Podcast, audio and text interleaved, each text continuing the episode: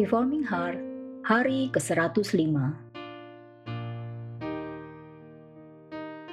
Renungan ini diambil dari website pemuda.stemi.id. Tema renungan hari ini adalah Elia melawan Baal. Mari kita membaca Alkitab dari 1 Raja-Raja 18 ayat 20 sampai 46. Demikian bunyi firman Tuhan. Elia di Gunung Karmel. Ahab mengirim orang ke seluruh Israel dan mengumpulkan nabi-nabi itu ke Gunung Karmel. Lalu Elia mendekati seluruh rakyat itu dan berkata, Berapa lama lagi kamu berlaku timpang dan bercabang hati? Kalau Tuhan itu Allah, ikutilah dia. Dan kalau Baal, ikutilah dia. Tetapi rakyat itu tidak menjawabnya sepatah kata pun. Lalu Elia berkata kepada rakyat itu, "Hanya aku seorang diri yang tinggal sebagai nabi Tuhan, padahal nabi-nabi Baal itu ada 450 orang banyaknya. Namun, baiklah diberikan kepada kami dua ekor lembu jantan, biarlah mereka memilih seekor lembu, memotong-motongnya, menaruhnya ke atas kayu api, tetapi mereka tidak boleh menaruh api. Aku pun akan mengolah lembu yang seekor lagi, meletakkannya ke atas kayu api, dan juga tidak akan menaruh api. Kemudian biarlah kamu memanggil nama Allahmu dan aku pun akan memanggil nama Tuhan. Maka Allah yang menjawab dengan api, dialah Allah. Seluruh rakyat menyahut katanya, baiklah demikian. Kemudian Elia berkata kepada nabi-nabi Baal itu, Pilihlah seekor lembu dan olahlah itu dahulu, karena kamu ini banyak. Sesudah itu panggillah nama Allahmu, tetapi kamu tidak boleh menaruh api. Mereka mengambil lembu yang diberikan kepada mereka, mengolahnya dan memanggil nama Baal dari pagi sampai tengah hari. Katanya, Ya Baal, jawablah kami. Tetapi tidak ada suara tidak ada yang menjawab. Sementara itu mereka berjingkat-jingkat di sekeliling mesbah yang dibuat mereka itu. Pada waktu tengah hari, Elia mulai mengejek mereka. Katanya, Panggillah lebih keras. Bukankah dia Allah? Mungkin ia merenung. Mungkin ada urusannya. Mungkin ia bepergian. Barangkali ia tidur dan belum terjaga. Maka mereka memanggil lebih keras serta menoreh-noreh dirinya dengan pedang dan tombak, seperti kebiasaan mereka, sehingga darah bercucuran dari tubuh mereka. Sesudah lewat tengah hari, mereka kerasukan sampai waktu mempersembahkan korban petang. Tetapi tidak ada suara, tidak ada yang menjawab, tidak ada tanda perhatian. Kata Elia kepada seluruh rakyat itu, "Datanglah dekat kepadaku." Maka mendekatlah seluruh rakyat itu kepadanya, lalu ia memperbaiki mesbah Tuhan yang telah diruntuhkan itu. Kemudian Elia mengambil dua belas batu, menurut jumlah suku keturunan Yakub. Kepada Yakub ini telah datang firman Tuhan, Engkau akan bernama Israel.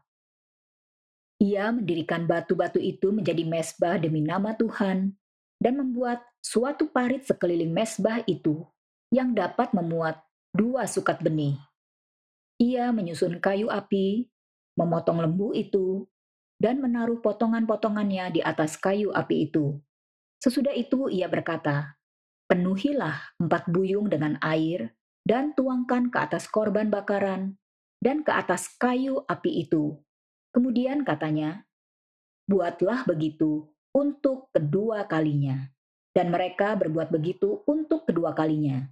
Kemudian katanya, buatlah begitu untuk ketiga kalinya. Dan mereka berbuat begitu untuk ketiga kalinya. Sehingga air mengalir sekeliling mesbah itu. Bahkan parit itu pun penuh dengan air. Kemudian pada waktu mempersembahkan korban petang, tampillah Nabi Elia dan berkata, Ya Tuhan, Allah Abraham, Ishak, dan Israel, pada hari ini biarlah diketahui orang bahwa engkaulah Allah di tengah-tengah Israel, dan bahwa aku ini hambamu, dan bahwa atas firmanmu lah aku melakukan segala perkara ini. Jawablah aku ya Tuhan, jawablah aku, supaya bangsa ini mengetahui bahwa Engkaulah Allah, ya Tuhan, dan Engkaulah yang membuat hati mereka tobat kembali. Lalu turunlah api Tuhan menyambar habis korban bakaran, kayu api, batu, dan tanah itu. Bahkan air yang dalam parit itu habis dijilatnya. Ketika seluruh rakyat melihat kejadian itu, sujudlah mereka serta berkata, Tuhan, dialah Allah. Kata Elia kepada mereka, tangkaplah nabi-nabi Baal itu, seorang pun dari mereka tidak boleh luput. Setelah ditangkap, Elia membawa mereka ke sungai Kison dan menyembelih mereka di sana. Kemudian berkatalah Elia kepada Ahab, Pergilah, makanlah dan minumlah, sebab bunyi derau hujan sudah kedengaran. Lalu Ahab pergi untuk makan dan minum. Tetapi Elia naik ke puncak gunung Karmel, lalu ia membungkuk ke tanah dengan mukanya di antara kedua lututnya. Setelah itu ia berkata kepada bujangnya, Naiklah ke atas, lihatlah ke arah laut. Bujang itu naik ke atas, ia melihat dan berkata, Tidak ada apa-apa. Kata Elia, Pergilah sekali lagi. Demikianlah sampai tujuh kali. Pada ketujuh kalinya berkatalah bujang itu, Wah, awan kecil sebesar telapak tangan timbul dari laut. Lalu kata Elia, Pergilah, katakan kepada Ahab, pasang keretamu dan turunlah. Jangan sampai engkau terhalang oleh hujan. Maka dalam sekejap mata langit menjadi kelam oleh awan badai, lalu turunlah hujan yang lebat. Ahab naik kereta lalu pergi ke Israel. Tetapi kuasa Tuhan berlaku atas Elia. Ia mengikat pinggangnya dan berlari mendahului Ahab sampai ke jalan yang menuju Israel. Mari kita merenungkan bagian firman Tuhan ini.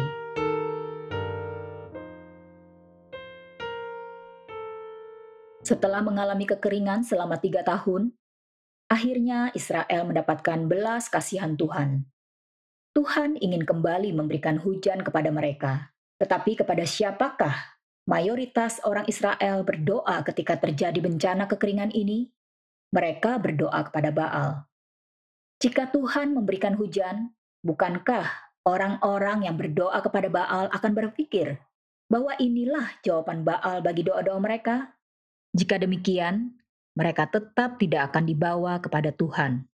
Mereka akan tetap berpaut kepada Baal. Itulah sebabnya Elia memerintahkan para nabi Baal dan Asyera untuk berkumpul bersama-sama di Gunung Karmel. Setelah semua berkumpul, maka Elia berseru dengan keras dan menantang rakyat itu untuk memilih salah satunya, Baal atau Tuhan. Orang Israel tidak bisa memilih tanpa adanya dedikasi dan komitmen hati yang sungguh. Menyembah Tuhan tidak bisa dilakukan dengan sembarangan. Kita bukan hanya melakukan ibadah untuk menyenangkan Tuhan, tetapi harus melibatkan seluruh hati dan segenap diri kita untuk sujud kepada Allah. Itulah sebabnya Elia menantang mereka. Tuhankah Allah atau Baalkah Allah? Ini adalah khotbah singkat yang sangat dalam maknanya. Bahkan orang tidak percaya pun masih diberikan kesempatan untuk bertobat. Elia masih memberikan kesempatan bagi yang mau berbalik dari hal-hal sia-sia ini kepada penyembahan kepada Allah yang sejati. Maka diaturlah dua persembahan berupa lembu. Mereka memotong-motong lembu itu dan mempersiapkan tempat pembakaran. Mereka telah menyiapkan kayu, tetapi mereka dilarang memberikan api. Lalu dari manakah datangnya api? Dari Tuhan atau Baal menurut para pengikutnya? Elia mempersilahkan Nabi Baal lebih dulu berseru kepada Baal. Para pengikut Baal mulai pada pagi hari dan mereka mulai berseru supaya Baal menjawab. Mereka terus berseru sampai tiba siang hari. Ayat ke-27 mengatakan bahwa Elia mengejek mereka. Mungkin panggilan mereka kurang kuat. Mungkin juga Baal sedang tidur. Hinaan Elia ini adalah hinaan yang sesuai dengan konteksnya. Dia bukan hanya asal menghina, tetapi tahu bagaimana memberikan sindiran sehingga dengan tepat menusuk hati para pengikut Baal. Tulisan kuno tentang Baal mengatakan bahwa dewa ini mempunyai kebiasaan-kebiasaan, seperti pergi dalam perjalanan yang jauh. Mereka juga percaya bahwa Baal senang tidur. Rupanya ini adalah dewa yang sedikit malas. Tetapi yang aneh adalah Baal bisa berada dalam keadaan trans, tidak sadarkan diri, dan mulai mengiris-ngiris dirinya sendiri hingga berdarah dan mati. Tetapi setelah mati, dia bangkit kembali dan mengirimkan hujan. Ritual penyembah Baal untuk menari-nari adalah dalam rangka membangunkan kembali Baal. Entah dia sedang tidur atau dia sedang mati setelah memotong-motong dirinya sendiri. Baik dalam keadaan tidur maupun mati, Baal dapat dibangunkan dengan tari-tarian para pengikutnya. Maka pengikutnya akan menari dan mengatakan kalimat-kalimat seperti Bangkitlah ya Baal, dan berkuasalah kembali. Kembalilah dari tidurmu dan kalahkanlah musuh-musuhmu. Elia sedang menyindir pengertian mereka akan dewa-dewa mereka. Maka Elia berseru, panggil lebih keras. Seolah-olah Elia sedang mengatakan, kalau dewamu sedang tidur, maka harus dibangunkan dengan suara mengagetkan, bukan malah loncat-loncat. Bukankah loncat-loncat tidak membuat suara sekeras teriakan? Jadi, kamu harusnya teriak lebih keras. Uniknya para nabi Baal itu mendengar masukan Elia. Ini lucu sekali. Mereka mau dinasehati oleh nabi Allah yang menjadi lawan mereka. Jika mau mendengar masukan Elia, kenapa tidak sekalian berbalik dari Baal kepada Tuhan? Bukankah itu masukan yang jauh lebih penting dari Elia? Bagian mengenai Elia dan Baal ini sungguh penuh humor lelucon dari Tuhan untuk mengejek para penyembah berhala dan memamerkan kebodohan mereka, mulai dari kebodohan Ahab hingga kebodohan para nabi Baal. Semuanya terbongkar untuk menjadi bahan tertawan kita semua hingga hari ini. Nabi-nabi Baal itu sekarang mulai kesurupan, mulai tidak sadarkan diri dan mulai mengiris-ngiris diri. Ini jugalah yang dilakukan Baal. Dia akan berada dalam keadaan tidak sadar mengiris diri, lalu mati. Namun dia akan bangkit dan berkuasa lagi di langit. Saudara sekalian, jangan mau beribadah kepada Tuhan dengan cara yang mematikan kesadaran. Berdoa hingga keadaan trans dan tidak sadar. Menyanyi hingga diri seperti melayang dan melupakan segala bentuk kesadaran. Ini semua dari setan. Penyembah berhala melakukan ini, tetapi bukan orang Kristen. Jangan lagi pergi ke tempat ibadah yang menggerakkan seluruh jemaat masuk ke dalam keadaan seperti tidak sadar. Ini adalah tipuan setan untuk merasuki kekristenan dengan kebiasaan-kebiasaan kafir. Saya percaya gereja-gereja seperti ini bukanlah menyembah Kristus. Mereka sedang menyembah Baal menjijikan yang sebenarnya, yaitu iblis. Ternyata dalam ayat ke-29 mengatakan, Baal tidak menjawab. Mengapa Baal tidak menjawab? Karena dia tidak ada. Dia tidak nyata. Dia hanyalah karangan imajinasi manusia yang mau menyembah sesuatu tetapi tidak mau menyembah Allah yang sejati. Sekarang tiba giliran Elia. Dia meminta supaya lembu persembahan disiram air hingga air menggenang. Ini merupakan tindakan yang sangat berani. Setelah tidak hujan selama tiga tahun, sekarang air yang masih sisa dibuang tanpa tujuan yang jelas. Setelah itu, mulailah Elia mengambil 12 batu untuk mengingatkan orang Israel akan identitas mereka. Israel seluruhnya adalah 12 suku, harusnya menjadi satu dan menyembah Tuhan yang telah memanggil mereka dan menamai mereka Israel. Betapa mengharukannya tindakan simbolis ini bagi orang-orang Israel yang masih berpaut kepada Tuhan. Hai Israel, berapa lama lagi engkau melupakan Tuhanmu yang sejati? Berapa lama lagi engkau mau meninggalkan Tuhan? Berapa lama lagi engkau mau terus-menerus berada di dalam pemberontakan? Kembalilah kepada Tuhan. Setelah menghukum mereka dengan kekeringan dan kelaparan, seolah-olah sekarang Tuhan mengubah cara bicaranya. Sekarang dengan lembut, dia mengingatkan Israel tentang identitas sejati mereka sebagai umatnya. Kembalilah, hai Israel. Setelah itu Elia berdoa kepada Tuhan. Dia tidak meloncat-loncat, dia tidak menari-nari. Siapa tokoh Alkitab yang setia kepada Tuhan, yang meloncat-loncat waktu beribadah kepada Tuhan? Daud meloncat-loncat dan menari-nari di jalan, bukan waktu beribadah kepada Tuhan. Hal ini tercatat di dalam 2 Samuel 6 ayat ke-13 sampai ke-16. Pernahkah Daud meloncat-loncat dan menari-nari waktu beribadah? Pernahkah Salomo? Pernahkah Abraham? Atau pernahkah Elia? Lalu mengapa sekarang ada gereja kalau beribadah menari-nari dan meloncat-loncat? Tempat seperti itu bukanlah gereja. Tempat seperti itu adalah tempat penyembahan berhala. Doa Elia dipanjatkan dengan suara keras tetapi tenang dan stabil, penuh pengertian dan konsep serta doktrin yang benar. Beberapa doktrin tentang Allah yang benar dinyatakan oleh Elia dalam seruannya ini. Allah adalah Dia yang menyatakan diri kepada Abraham, Ishak, dan Yakub. Dia bukanlah Allah yang dicari oleh manusia.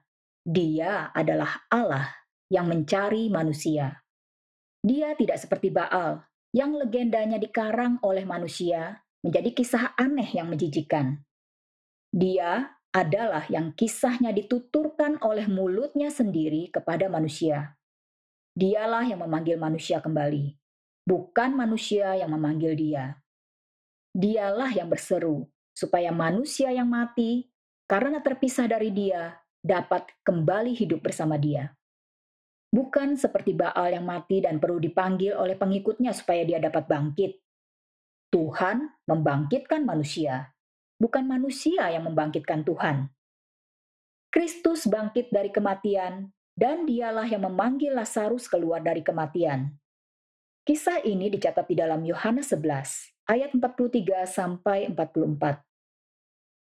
Setelah Elia berseru, maka Tuhan menjawab dengan menurunkan api dari langit yang menjilat habis persembahan dan air yang menggenang di sekitar tempat korban itu.